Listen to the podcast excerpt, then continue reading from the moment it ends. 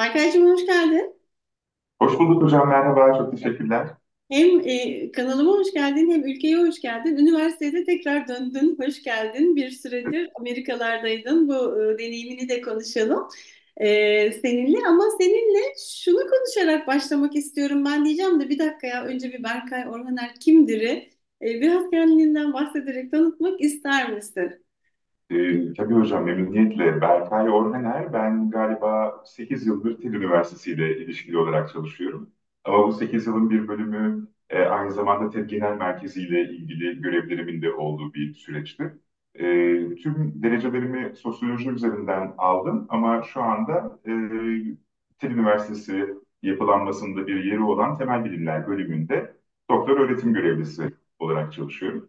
E, Şimdiye kadar e, kurumsal sorumluluk benim asıl araştırma alanım. Bununla ilgili konularda uzun süre ders verdim ama aynı zamanda okulun çeşitli yönetim organlarında, komisyonlarında çeşitli görevler yaptık. Bunların birçoğunda sizle beraber de uzun toplantı mesailerimiz oldu. E, dolayısıyla hem yönetsel tarafta emek vermeye çalıştım ama son zamanlarda daha çok kendi akademik araştırma alanlarıma yoğunlaşmış durumdayım. Evet, pek çok toplantıya katıldık gerçekten seninle Berkay. Dilerim ki kuruma bir katkımız olmuştur diyelim. Şimdi birazcık öğrencileri daha çok ilgilendiren bir çalışmadan bahsetmek istiyorum. Ee, son zamanlarda yaptığım, benim de keyifle okudum. Aa bu şarkı da mı varmış, böyle miymiş dediğim bir çalışma okudum. Berkay, ben Eskişehirliyim. Ee, programı izleyenler biliyorlardır belki. Son 5 yıldır Ankara'da yaşıyorum. Ondan önce de bir yüksek lisans Bilkent'te bir yıl e, Ankara deneyimim olmuştu. Şimdi Ankara'yı ben tabii bu 5 yılı saymazsam ben ve benim gibiler diyeceğim. Şöyle bilirler. İşte Ankara iş e, yeridir. E, çok fazla eğlence yeri değildir. Soğuktur, gridir. E, hani İstanbul'un o güzellikleri Ankara'da yoktur. Bürokratlar yaşar, daha ciddi bir şehirdir diyebiliriz. Benim de e, bu yıla kadar diyeceğim aslında deneyimim hep o yönde oldu. Çünkü iş için geldik, toplantılar için geldik. Hele de bir Eskişehirli olarak, gerçi iklimi çok da fazla e, farklı değil. Hatta Eskişehir daha da soğuk buradan ama bu kadar grilik yok herhalde Eskişehir'de. Sen de bir çalışma yaptın. Şimdi Ankara'da yaşayan milyonlarca öğrenci var. E, bu çalışmadan da haberdar olsunlar da isterim. Acaba onlar da öyle mi düşünüyorlar isterim. Belki buradan Onlara çıkaracağımız bazı e, yönlendirmeler olabilir, ipuçları olabilir. E, bu çalışmadan biraz bahsetmek ister misin? Çünkü ben de çok ilgiyle okudum. Aa bu şarkıdan da bahsetmiş e, dedim. Aa bu şarkıda da böyle tabii doğru dediğim e, şeyler oldu değil mi? Çok ünlü Cem Adrian'ın işte Sen Gel Diyorsun'un son zamanlarda çok dinlediğimiz şarkısı. Ya da MFÖ'nün ne vardı? E, Kelimeler Kafi var. Grup Gündoğan'ın Ankara'dan abim geldi var. Haluk Levent var, Vedat Sakman var, Ankara'da Aşık Olmak şarkısı var. Ne yaptın bu şarkılarla Berkay? E, Şimdi benim bu son yazdığım bu makale e, bir tarafıyla müzik sosyolojisine dokunuyor, bir taraftan da teorik arka planını e, bağlılık teorisine yaslıyor. Bağlılık teorisi tabii eğitim fakültesindeki hocalarımızın, sizlerin çok daha yakından bildiği bir alan. E, müzik sosyolojisi de benim şimdiye kadar bir ürün verdiğim bir konu değil. Fakat e, hem ODTÜ Sosyoloji Bölümü mezunuyum ben e, oradaki eğitimimizde özellikle değindiğimiz konulardan bir tanesiydi. Dolayısıyla aslında ben biraz deplasmanda yer aldım bu makaleyle ilgili çalışırken. Ama merak şuradan geliyor. Ben doğma büyüme Ankaralıyım. Hep hayatımın çok uzun e, bir bölümünü Ankara'da geçirdim. Bir de ben müzik dinlemeyi çok severim ama e, çok eklektik müzik dinlerim. Buradan şunu kastediyorum. Yani kulağıma güzel gelen her şeyi e, sırasını önemsemeden şarkı listesini e, hiç kurate etmeye çalışmadan çok karmaşık bir şekilde dinlerim. Hatta genelde arkadaşlarım, ailemde bu konuda bana kızarlar. Yani çok böyle ağır bir şarkıdan sonra neredeyse oyun havasına yaklaşan bir şarkıyı herkes benim kadar arka arkaya dinlemeyi sevmiyor. Ama bu galiba bana e, farklı müzik türlerinden, farklı alanlardan çok daha fazla şarkı dinleme imkanı sağladı. O yüzden de yıllardan beri ben böyle şeye dikkat ediyorum. Ankara ile alakalı şarkılara dikkat ediyorum. Acaba nasıl bahsediyor, neler oluyor diye. Son dönemlerde, son yıllarda bunları yazılı hale getirmeye başladım, kaydetmeye başladım. Ee, sonra daha da yoğun bir şekilde konuya e, eğilince 30 tane şarkı saptayabildiğimi fark ettim. Bu 30 tane şarkının içerisinde benim daha önce dinlemediklerim de vardı. Ama her seferinde bu şarkılar sizin de biraz önce Ankara ile alakalı o genelleştirmelerinize e, benzer olarak Ankara'nın e, griliğinden, yağmurundan, karından falan bahsediyorlar. E, bunlar tabii ki doğru olabilir. Zaten dünyada genellikle başkentler diğer şehirlere göre e, biraz daha az sevilirler. Çünkü başkentler ciddi yerler, içinde çok siyaset barındıran, daha resmi olmak durumunda olan yerler. Ama benim gibi Ankaralılar da var. E, son iki üç yıldır Ankara'ya doğru düzgün kar yağmıyor. Ama pek çok Ankara ile alakalı şarkılardan bahsediyor. Evet. Veya ben İstanbul'un bazı semtlerini e, Ankara'nın bazı semtleriyle karşılaştırdığımda çok daha gri buluyorum. E, Ankara'nın bazı yerleri daha yeşil de olabiliyor. Burada dolayısıyla bir sıkıntı var. Yani bu şarkıların hepsi mi e, bir ağızdan, bir kalemden çıkmış gibi Ankara'yı kötüleme derdindeler. Hep e, Ankara ile alakalı olumsuz koşullardan bahsediyorlar. Buna biraz dikkat etmek istedim. Ama nasıl yorumlayacağımı da uzun süre bilemedim. Bu benim için e, bazen size de oluyordur eminim hocam data teorisini arar bazen. Yani elimde bir veri var. Bu veri içerisinde bir desen bulabiliyorum. Ee, çok tutarlı bir e, görüntü var elimdeki data seti içerisinde, veri setinde, veri kümesinde tam Türkçesi bu. Ee, fakat bunu açıklayabilecek teorik yaklaşımı uzun süre saptayamadım. Daha sonra e, bu bağlılık teorisi imdadıma yetişti. Çünkü bağlılık teorisi aslında işte John Bowlby'nin e, çocuk ve çocuğa bakan kişi arasındaki o ilk bağlılığı araştırmaya çalıştığı bir e, teori. Fakat bu daha sonra şehir bağlılığına yönelik yorumlamalara da imkan vermiş. Dolayısıyla bu bir alt alan olarak aslında araştırma yapılan bir alanmış. Ben de yeni keşfetmiş oldum. İnsanların, bireylerin şehirlere duyduğu bağlılığı araştıran bir alt dal var. Ve burada pek çok farklı açıdan araştırma yapmak da mümkün. Elbette bunun müzikle de kesişimi var. Daha önce dünyanın farklı yerlerinde, farklı kültürlerinde müziğin yeri nasıl yaşattığı ya da yerin müziği nasıl yaşattığı üzerine çalışmalar olmuş. Çünkü bu çift yönlü bir etki. Bazı durumlarda şarkılar e, kafamızdaki yer algısını şekillendiriyorlar. Bazen de yerler müziği şekillendiriyor ya da bu ikisi aynı anda olabiliyor. Dolayısıyla bu teoriyi de bulduktan sonra bir makale yazma isteği oldu. Ee, birimi daha da netleştirdim. Toplamda bu 30 şarkıyı saptadım. Daha sonra nitel bir araştırma yöntemi var, tematik analiz. Ee, bu çok dikkatli bir okuma gerektiriyor. Bu okumayı yaparak e, kodlamalar yaptım ve nihayetinde temalar belirledim. Toplamda da e, 9 tane tema baskın görünüyor Ankara ile alakalı şarkılarda. Bu arada tabii Ankara ile ilgili şarkılar derken belirli kısıtlayıcılar da var. Çünkü aslında sözlerinde Ankara geçen çok daha fazla sayıda şarkı var. Örneğin eğer Ankara oyun havalarını veri kümemize dahil edersek o zaman böyle yüzlerce şarkıdan bahsediyor olabiliriz. E, Ben onları farklı bir tarafa aldım. Çünkü o kendi piyasa yapısı olan, farklı beğenilere hitap eden apayrı bir janra. O başka bir şey. Onun dışında pek çok Türk sanat müziği alanındaki şarkının, türündeki şarkının Ankara'dan bahsettiğini biliyorum. E, onu da veri dışında bıraktım. Çünkü e, Türk sanat müziği ile alakalı şarkılar belirli bir makama göre yazıldıkları için ve her zaman en büyük amacı satış yapmak olmadığı için Türk sanat müziği de farklı bir yerde duruyor. Yani bir Türk sanat müziği şarkısının başarısı her zaman çok satmak ya da işte en çok dinlenenler listesinde yukarılara çıkmak olmayabiliyor. Dolayısıyla ben sadece pop şarkılara yoğunlaştım. Pop şarkıyı nasıl belirliyoruz da ciddi bir soru. Yani bir şarkıyı pop müzik yapan nedir? Ee, bunun cevabını bizden daha önce yine müzik sosyolojisi alanında çok bilinen bir isim olan Adorno vermiş.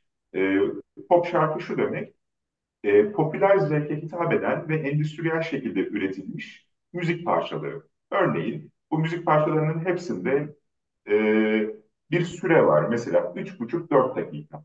Ama mesela 6 dakikalık bir pop şarkı olmuyor. Çünkü dönemin beğenisi 6 dakikayı kaldırmıyor. Bir radyo için 6 dakika çok fazla oluyor ya da 7 dakika çok fazla oluyor. Ama bu şarkılar bir buçuk iki dakikada olmuyorlar. Mesela bu şarkıların mutlaka bir nakarata ihtiyaçları var.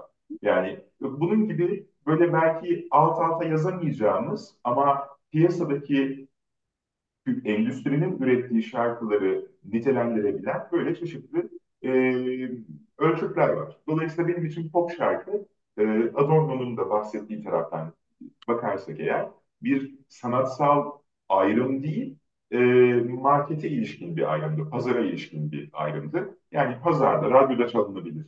Bir kasette, CD'de ya da şimdi sosyal medya platformlarında satılmak için üretilmiş, işte dönemin genel beğenisine hitap eden, Türk sanat müziği olmayan, e, Ankara oyun havası denilen o kategori içerisinde yer almayan herhangi bir şarkıydı. Peki Berkay araya girip e, çalışmadan biraz çıkıp başka bir soru sormak istiyorum. Çalışmaya tekrar döneceğim sonra. E, sence gençler Türk sanat müziği, Türk halk müziği dinliyorlar mı? Yani e, eğer benim kadar eklektik müzik zevklerine sahiplerse dinliyor olmaları lazım. İnşallah dinliyorlardır. Çünkü bunların hepsi e, kültürün çok uzun yıllardan beri damıttığı, günümüze kadar e, sonuçlarını ilettiği damarlar. E, dolayısıyla buradan beslenmek, e, insanın sanat zevkini, müzik zevkini, dünyaya bakışını bunlarla birlikte çeşitlendirmek çok daha akıllıca olurdu. Dolayısıyla böyle e, kategorik bir şekilde reddedip de "Hı, Türk sanat müziği çok e, aynı Ankara'nın hemen gri olarak nitelendirilmesi gibi eğer birileri Türk sanat müziğini e, çok bunlar üzüntülü şarkılar ya da işte ben hiç dinleyemiyorum deyip kategorik olarak reddediyorlarsa büyük ihtimalle hata yapıyorlar. Daha fazla deneyim insanlığımızı pekiştirir herhalde. Peki sen şimdi bir Ankaralı olarak e, bu şarkıları inceleyince hani ben söyledim ya genel olarak böyle biliniyor Ankara. İşte gri, soğuk, bürokratların yaşadığı bir şehir olarak biliniyor. Hatta ben TED Üniversitesi'ne geçiyorum, Ankara'da yaşayacağım artık dediğimde bana e, ne yapacaksın Ankara o gri şehirde yorumları gelmişti. E, sen şaşırdın mı? Yani şarkılar da bunları mı söylüyordu gerçekten? E, ya da şöyle dedin mi? Yok canım Ankara'ya e, haksızlık ediyorlar. Aslında böyle değil. Aslında şöyle dediğin şeyler oldu mu bir Ankaralı olarak? Beni, beni şaşırtan taraf şu oldu. Zaten tekil olarak bazı şarkıların Ankara'dan nasıl bahsettiklerini biliyordum. Ama bu konuyla ciddi uğraşıp da işte toplam 30 şarkı saptayıp bunların hepsini tematik bir şekilde okuyup e, bu temaların ne kadar benzeştiğini anlamaya çalışınca şu açıdan şaşırdım. Toplamda 9 tane ortaya çıkan tema var e, bu şarkılar tarafından e, paylaşılan ve ortalama bir şarkı bu temaların 4.3 tanesini içeriyor. Hı Bu çok büyük bir bulgu bana göre. Çünkü bu şunu gösteriyor. Şarkılar birbirine çok benziyor. Yani tabii ki müzik be- besteleri farklı olabilir, farklı sesler tarafından söyleniyor olabilir. Ama anlam olarak e, takip ettikleri tematik alanlar olarak bunların arasında çok büyük bir benzerlik var. Dolayısıyla nasıl olur da bu kadar farklı sanatçı grupları, bu kadar farklı yorumcular hep aynı temaları yorumlamışlar? O tarafı beni gerçekten şaşırttı. O zaman öğrencileri, Ankara'ya gelmek isteyen öğrencilere e, buradan ne diyeyim mi? Ankara bu kadar gri ve bu kadar soğuk değil. E, eğlenceli de bir şehir. Çok fazla kültürel, sosyal imkan var. Üniversitelerde eğitim çok güzel yapılıyor. Gelin diyelim mi? Valla diyebiliriz. Özellikle ezberlere inanmamaları konusunda bir önerimiz olabilir. Hani kendi Ankara deneyimlerini kendileri anlasınlar. Mutlaka başkalarının nitelendirmesi üzerinden e, kendilerine ezberlenmiş bir Ankara deneyimi oluşturmasınlar. Herkes kendi yaşantısı içerisinde Ankara'yı anlayabilir, özümseyebilir ve kendi anlamını bulabilir. Bu şarkıların düştüğü yanlışa düşmesinler. Aslında Berkaycığım şuraya gelmek istiyorum ben. Yani üniversite öğrenciliği dediğimiz hayat sadece sınıflarda derslere girilip çıkılan, işte ödev yapılan e, bir hayat değil. O kadar çok imkan var ki keşke öğrencilerimiz bu imkanları görebilse ve kendilerini bütüncül olarak yetiştirebilse e, ve hocalarımız da onları öyle yönlendirebilse. Yani ders dışı etkinlikler hem e, hani kurumlar tarafından hem öğrenciler tarafından daha çok organize edilebilse, ayarlanabilse ben pandemiden sonra bariz bir e, düşüş öğrenci motivasyonunda çöküş gördüm. Sen de görmüşsündür elbet. Şimdi işte son e, zamanlarda biraz daha canlanmaya başladı ama herkeste bir motivasyon kaybı, işte etkinliklere katılma istememe, derse gelip gitme isteği oldu, yaşandı. Bu yıl böyle birazcık daha hareketlenme, biraz daha üniversite öğrencisi olduğunu hatırlama ya başladı öğrenciler. Ben buna çok da üzülmüştüm. Yani TED Üniversitesi'nde bili- biliyorsun sen de e, bu şehir merkezinde olan kampüste pek çok etkinlik yapılıyor ve öğrencilerimizin en güzel tarafı bu etkinliklere gönüllü olarak çok fazla katılmaları. E, şimdi tekrar döndük Allah'tan ama böyle bir hani kopuş dönemi yaşadık, biz de yaşadık ve ben buna çok üzülmüştüm. Ya E, hocam ben de katılıyorum. Aile sadece e, anne baba çocuk e, değil, aynı zamanda bu anne baba çocuğu barındıran fiziksel ortam olan ev. E, okul da aynı şekilde sadece dersler, e, öğretenler ve öğrenenler değil, aynı zamanda bütün bunları barındıran okul ve fiziksel mekan. Dolayısıyla bence yüksek öğrenim deneyiminde ne kadar teknoloji gelişiyorsa gelişsin, uzaktan eğitim mümkün olursa olsun, gerçek bir okul deneyimi hakikaten fiziksel olarak o okulu deneyimlemekten geçiyor. Yoksa e, eğer mesleki anlamda ilerlemek isteyen öğrenciler varsa elbette internetteki e, kaynaklara erişebilirler ve kendilerine çeşitli kurslar bulup hiçbir okulu fiziksel olarak ziyaret etmeden ilerleyebilirler. Ama yüksek öğrenim deneyimi yani bir okulun fiziksel ortamındaki bütün etkileşim, hocalarla bir arada olmak, arkadaşlarla bir arada olmak, sadece dersler değil, bir öğrenci kulübü için bir araya gelip e, olmadık hayaller kurmak, şartları zorlamak, e, o zamana kadar yapılmamış bir şeyleri yapmaya çalışmak ya da bir geleneği devam ettiren o yıl onu yapanlar arasında yer almak bunların hepsi okul için çok önemli. Ve e, herhalde galiba en çok da bunları hatırlıyoruz. Yani e, hı, tabii. insanı yüksek öğrenimde şekillendiren konular eğitim tarafında öğrendikleri kadar bir yandan da o okul ortamındaki etkileşimlerinden kaynaklanıyor. Tabii ki, tabii ki. Çok doğru söyledin. O zaman senin öğrencilik hayatına geçelim biraz. Sen e, geçen yıl Amerika'daydın. Ee, ya öğrencilik hayatı değil aslında araştırmacı hayatı. Orada neler yaptın? Ne sormak istiyorum? Ben de çok gitmek istiyordum biliyorsun. Sen gittin ve döndün.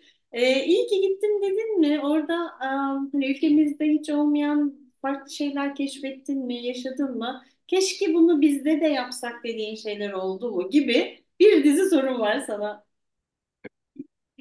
Şöyle ilginç bir şey oldu. Ee, ben nasıl ki hani burada Ankaralıyım ve hayatımın çok büyük bir bölümü Ankara'da geçti.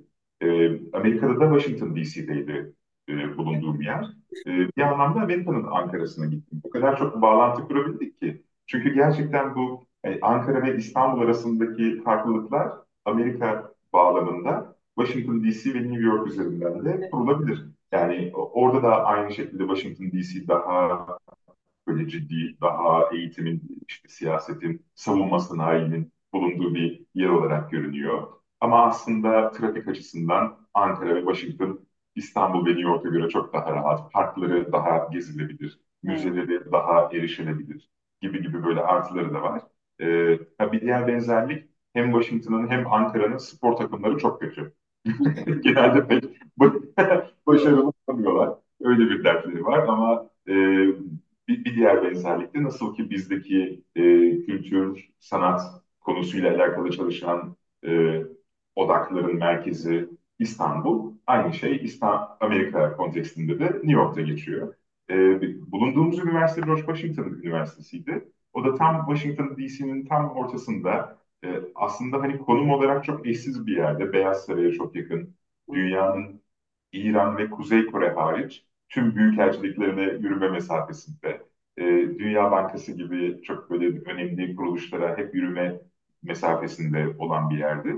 E, ama daha fazla benzerlik bulmak da mümkündü. Örneğin biraz önce bahsettiğiniz e, uzaktan çalışma kültürü çok yaygınlaşmış durumda. Pandemi sonrasında okula e, çok fazla insan getirmek mümkün değil. Hatta bazı bölümlerde e, sırf hocalar e, ofislerinde daha çok bulunsunlar diye bölüm başkanlarının e, ücretsiz yemek promosyonu yaptıklarını ama bunun bile çok fazla e, fayda sağlamadığını biliyorum. Dolayısıyla maalesef e, okulda çok fazla insanla tanışma imkanım e, eğer randevulu değilse olmadı. Yani yolda yürürken koridorda biriyle karşılaşıp işte merhaba siz kimsiniz, ne yapıyorsunuz, hoşbeş yapmak, hoşbeş etmek gibi sohbetlere pek imkan vermiyordu e, dönem. Sanıyorum e, tüm dünyada üniversitelerin ve çeşitli benzer kuruluşların e, pandemi sonrasında teknolojinin de gelişmesiyle birlikte bu camia olma hissini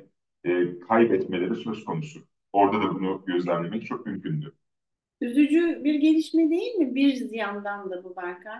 Çünkü hani insanların birbirine bağlılığı, e, o hani ortak hareket edebilme, bir yandan da geleceğin becerileri olarak bunlardan bahsediyoruz. Hani birlikte çalışabilmekten bahsediyoruz, e, takımları yönetebilmekten bahsediyoruz, duygusal çeviklikten bahsediyoruz. Şimdi herkesin kendi başına ofisinde ya da odasında çalıştığı ortamlarda bunları nasıl e, kazanıp nasıl geliştireceğiz? Yani maalesef halbuki e, örneğin yazılım sektöründeki pek çok başarılı buluşun e, bir yazılım şirketinde çalışan insanların bir arada olup belli bir gündemle değil, sadece bir arada oldukları ortamdan kaynaklanan, orada ortaya çıkan fikirlerden geliştiği hep anlatılır. E, aslında bence doktora sonrası araştırmaların da biraz mantığı buraya doğru gidiyor. Yani e, farklı insanlar e, bir bir yerde buluşsunlar, kendi ilgi alanlarından bahsetsinler ve yapılabilecek ortak şeylerden e, ortak şeyleri bulsunlar, bunlar için çalışsınlar. Fakat o çok mümkün değildi. Yani bir doktora sonrası deneyimi olarak aslında e, şu açıdan biraz hayal kırıklığı oluşmuştu bende. E, sadece randevulu ve gündemli olarak insanları bulabildim ve onlarla sohbet edebildim. Onun dışında insanlarla, diğer kişilerle ortak ilgi alanlarınızı bulabileceğiniz ya da hiç aklınızda olmayan bir konuyu bir anda e, köpürtmek mi denir ya da işte böyle hayata geçirmek, e, bir anda ilerletmek ortamını sağlayabileceği bir imkan bulamadım. E, dolayısıyla böyle ciddi bir profe- profesyonellik var. Yani sadece insanlar e, kendi ilgilendikleri alanda ya da kendi takvimlerinde var olan zaten yazılı hale gelmiş olan konularda yapmaları gerekenleri yapıyorlar. Bunu da mümkünse uzaktan ev ortamını çok fazla e, terk etmeden yapmak niyetindeler. E, ama sürekli bu tarafa doğru gidildiğinde daha önce de dediğimiz gibi o camia olma, birliktelik hissi biraz ortadan kalkıyor. E, sen bir de kurumsal sorumluluk çalışıyorsun, çalışma alanın olarak e, söylemiştin zaten. E, şimdi bunu kurumsal sorumluluk, önce bir ne demek? Onu bir açıklayabilir misin bize? Kurumumuza karşı hissettiğimiz e, sorumluluk mu? Çalışanların mı, öğrencilerin mi, yöneticilerin mi, herkesin mi? Aslında kurumsal sorumluluk çok temel anlamıyla e, toplumun iş dünyasından beklentilerini anlayan bir alan. Yani e, toplumsal olarak acaba iş dünyasından e, çevresel, sosyal, etik, ahlaki, mali konularda neler bekleyebiliriz? İş dünyasının topluma karşı yükümlülükleri nelerdir? Bunu algılamaya çalışan bir e, alan.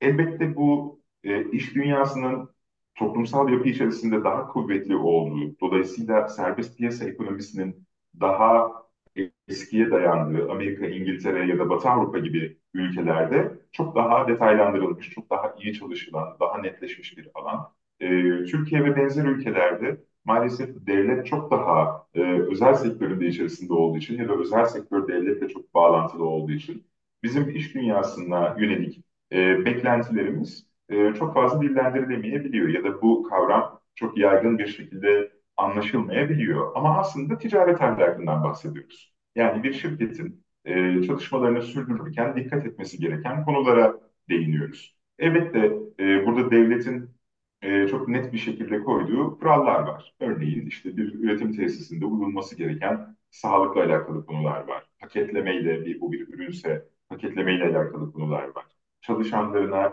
maaşlarını nasıl ödemesi gerektiğini, sigortasını nasıl yapması gerektiğine dair kurallar var. Peki acaba şirket bunun ötesine geçen bir takım çalışmalar yapmalı mı? Örneğin aslında zorunlu değilken daha çevreci bir materyali kullanmak, zorunlu olmadığı halde çalışanlarına ek faydalar sağlayabilmek, zorunlu olmadığı halde üniversitelerle daha iyi ürünler geliştirebilmek için ortak Ar-Ge çalışmaları yapmak. Yine zorunlu olmadığı halde e, şirketin bütün çalışmalarıyla ya da mali akışıyla alakalı raporları şeffaf, hesap verebilir bir şekilde kamuoyuna duyurmak gibi pek çok gönüllü alan da var. Bu gönüllü alanları bu şirketler niçin e, bu alanlarda çalışıyorlar? Buradaki beklentileri neler? Acaba bu tip çalışmalar yapmak bu şirketlere fayda sağlıyor mu? Şirketlerin daha fazla neler yapması gerekebilir? Gibi pek çok alt soru var. Bu sorularla alakalı çalışan kişiler galiba benim gibi benim çalışma alanım kurumsal sorumluluk diyen kişiler oluyorlar. O zaman Berkaycığım e, Türkiye olarak belki de dünya olarak çok da fazla e, geçer not olamadığımız bir alan diye düşünüyorum ben. Çünkü hani bu bahsettiğin e, şeffaflık, işte şey hesap verebilirlik e, ülkemizde ne, ne kadar var bilmiyorum. Yani gördüğümüz, yaşadığımız kadarıyla çok da fazla yok gibi geliyor. En son senden önceki programda da Mine Hanım'la e, bir program yapmıştık. Yönetim Kurulu'nda Felsefe diye çok güzel bir kitap yazmış ve filozofları, çeşitli filozofları yönetim kurullarına davet etmiş. Hani onlar gelseydi yönetim kurulunda ne konuşurdu, ne sorardı, neyi sorgulardı diye. Ee, çok şahane bir kitap yazmış. Çok tavsiye ederim okumanı. Onu eğitim kurumlarına gelseydi neler konuşur diyor. Birlikte birazcık düşünmeye çalıştık. Ee, Mine Hanım da söyledi. O da hani dışarı eğitimci olmadığı halde dışarıdan görülen çok bariz bir gerçek var. Diyor ki özellikle işte özel kurumlarda e, finansın çoğu binaya yapılıyor. İşte teknik donanıma yapılıyor ama bireye, insana, işte insanın o özündeki değerleri geliştirmeye ait e, esas yapılması gereken yatırımlar maalesef çok fazla e, önem kazanmıyor yöneticiler gözünde diyor. Ya da işte ülkenin yapısı böyle, dünyanın yapısı böyle. Gittikçe de bireyselleşen bir dünyada e, daha da mı büyük sorun olacak? Sen nasıl görüyorsun? Yani bunu çok kötümser de yorumlayabiliriz, çok iyimser taraftan da yorumlayabiliriz. Kötümser taraftan şöyle bir örnek verebilirim. Ee, şimdi bireysel olarak bizim ahlaki değerlerimizi şekillendiren bazı erdemler var. Örneğin başkasının hakkını almamak, başkasına zarar vermemek, mümkün olduğu kadar barışçıl olmak falan gibi. Ama bu şekilde yetiştirilen insanlar kendi hayatlarında bu erdemleri e, uyguluyorlarsa dahi bir şirketin yönetici koltuğuna geldiğinde bambaşka bir kişiliğe bürünüyorlar. Örneğin aynı sektördeki bir diğer şirketi sektörün dışına itmek ve onların batmalarını sağlamak, yani onları yok etmek e, ahlaki bir sorun olarak değil, tam tersine ticari hayatta bir başarı olarak algılanıyor. Dolayısıyla bizler e, iş dünyasında biz değiliz. Bu sadece ticarette değil, yani üniversite ortamında bile, bu kadar barışçıl bir ortamda bile e, iş söz konusu iş yapmak olduğunda, profesyonel hayat olduğunda başkalarının ayağını kaydırmaya çalışan, e, insanların e, rekabetçiliğini önlemeye çalışan böyle kötü niyetli insanlar olabiliyor. Ama bu kötü niyeti iş dünyasında biz nedense e, normalleştiriyoruz. Hiç sorun olmuyor. Hatta tam tersine başarı olarak e, görülüyor. Ve daha kötüsü artık şirketlere e, kural koyabilecek ya da şirketleri yönlendirebilecek herhangi bir güç elimizde yok. Çünkü e, dünyadaki bütün politik aktörler yeri geldiğinde şirketlerden ya da şirketlerin oluşturduğu ilgi alanlarından daha güçsüz olabiliyorlar. O yüzden elimizdeki bu kötümser yorumdu bu arada. Elimizde kalan tek e, kozlardan bir tanesi kurumsal sorumluluk. Yani belki kurumların kendi kendilerini daha ahlaklı bir şekilde yönetmelerini, daha duyarlı bir şekilde yönetmelerini sağlayabilirsek e, biraz daha düzgün bir dünya elde edebiliriz gibi bir düşünce söz konusu olabilir. Çünkü başka bir şey kalmadı elimizde. Yani hiç olmazsa içten gelen bir etkiyle zaten insanın e, aslında e, iyiliksever bir varlık olduğunu düşünerek ya da umarak bunu şirketlere yaygınlaştırmak belki söz konusu olabilir. Ama iyimser yorumlar da var. Örneğin e, aslında biz kurumsal sorumluluk sayesinde e, daha önce gönüllü alanları şimdi standartlaştırmış olabiliyoruz ve aşama kaydediyoruz. Örneğin bir çok basit bir örnek verebilirim.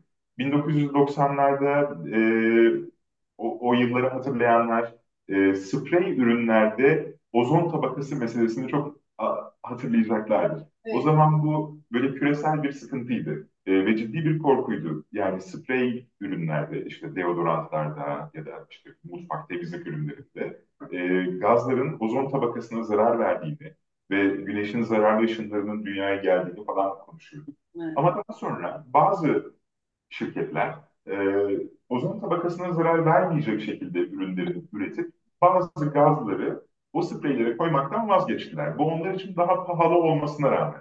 Ve bunu anlattılar. Bakın biz artık e, o zararlı gazları kullanmıyoruz diye. Bu onların kurumsal sorumluluklarıydı ve bir öncül davranışlarıydı.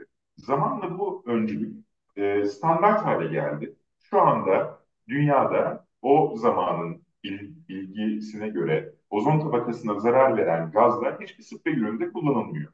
Şimdi bu tabii çok spesifik bir örnek ama benzer şeyleri farklı alanlardan vermek de, örnekleri vermek de mümkün. E, belirli şirketlerin öncü olarak yaptığı sorumluluk çalışmaları yaygınlaştıkça, toplumda kabul gördükçe, basın bunu algılayınca, e, biz üniversitelerde bunları iyi örnekler olarak anlatmaya devam ettikçe zamanla o gönüllü alanlar standartlaşıyorlar. Yani 1980'lerde belki gönüllü bir şekilde mali rapor yayınlayan ya da çevreye yönelik e, sorumlulukları hakkında rapor yayınlayan şirketler oldukça azlardı. Oysa şu an Türkiye'de e, halka açık tüm şirketler sermaye piyasası kurulunun direktifleri sebebiyle çevreye yönelik e, etkilerini raporlamak durumundalar. Belki bundan 50 yıl sonra daha da iyi bir noktada olacak. Biliyorum öyle olur. Çünkü bir yandan da hani rekabetçiliğin bu kadar e, ön planda olduğu, işte herkesin bir yarışa sokulduğu, bireyselciliğin de bu kadar ön planda olduğu bir dünyada yaşıyoruz şu anda diye düşünüyorum. Ki bunu hani sen de söyledin, akademi dünyasında bile ki akademi dünyası bilim üreten bir dünyadır. E, topluma hizmet eden bir dünyadır. İşte eğitime katkı sağlayan bir dünyadır. Buradaki mesela rekabeti ben asla anlamam. Çünkü o kadar çok iş vardır ki yapılacak. Herkesin e, aynı alanda çalışıyor olsa bile o kadar çok proje vardır, bilimsel çalışma vardır, ders vardır, öğrenci vardır. İşte toplumda dokunacağımız pek çok kesim vardır. Yani çok işin olduğu bir yerde neyin rekabetinin yapıldığını ben bir türlü anlamam. Ama sanki dünyada e, işte bu kapitalist sistem diyeceğim biraz insanları bu rekabetçi olmaya, biraz ön planda olmaya, işte çok para kazanmaya e, zorluyor diye düşünüyorum. Yine Mine Hanım'la programı da çok yeni yaptığımız için çok aklımda kalan pek çok nokta var orada.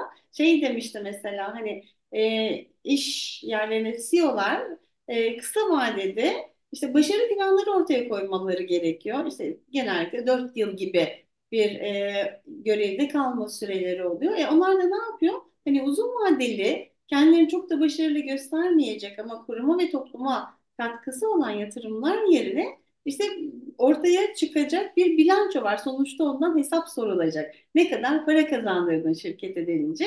O kısa vadeli planları mecburen daha ön plana e, koymak zorunda kalıyorlar demişti. Herhalde dünyanın düzeni şu anda halen böyle. Halbuki biz bu düzenin böyle işlemediğini çoktan fark etmiş olduğumuzda rağmen, olmamıza rağmen bu sistemde devam etmeye devam ediyoruz. Yani burada aslında belki de hatırlanması gereken esnaf ahlakı.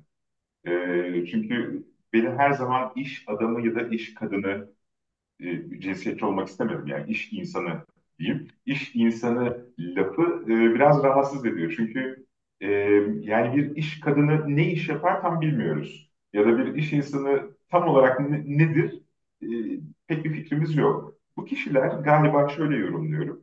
E, kendi ellerindeki yatırım gücünü kâr edebilmek amacıyla çeşitli sektörlerde değerlendiren kişiler.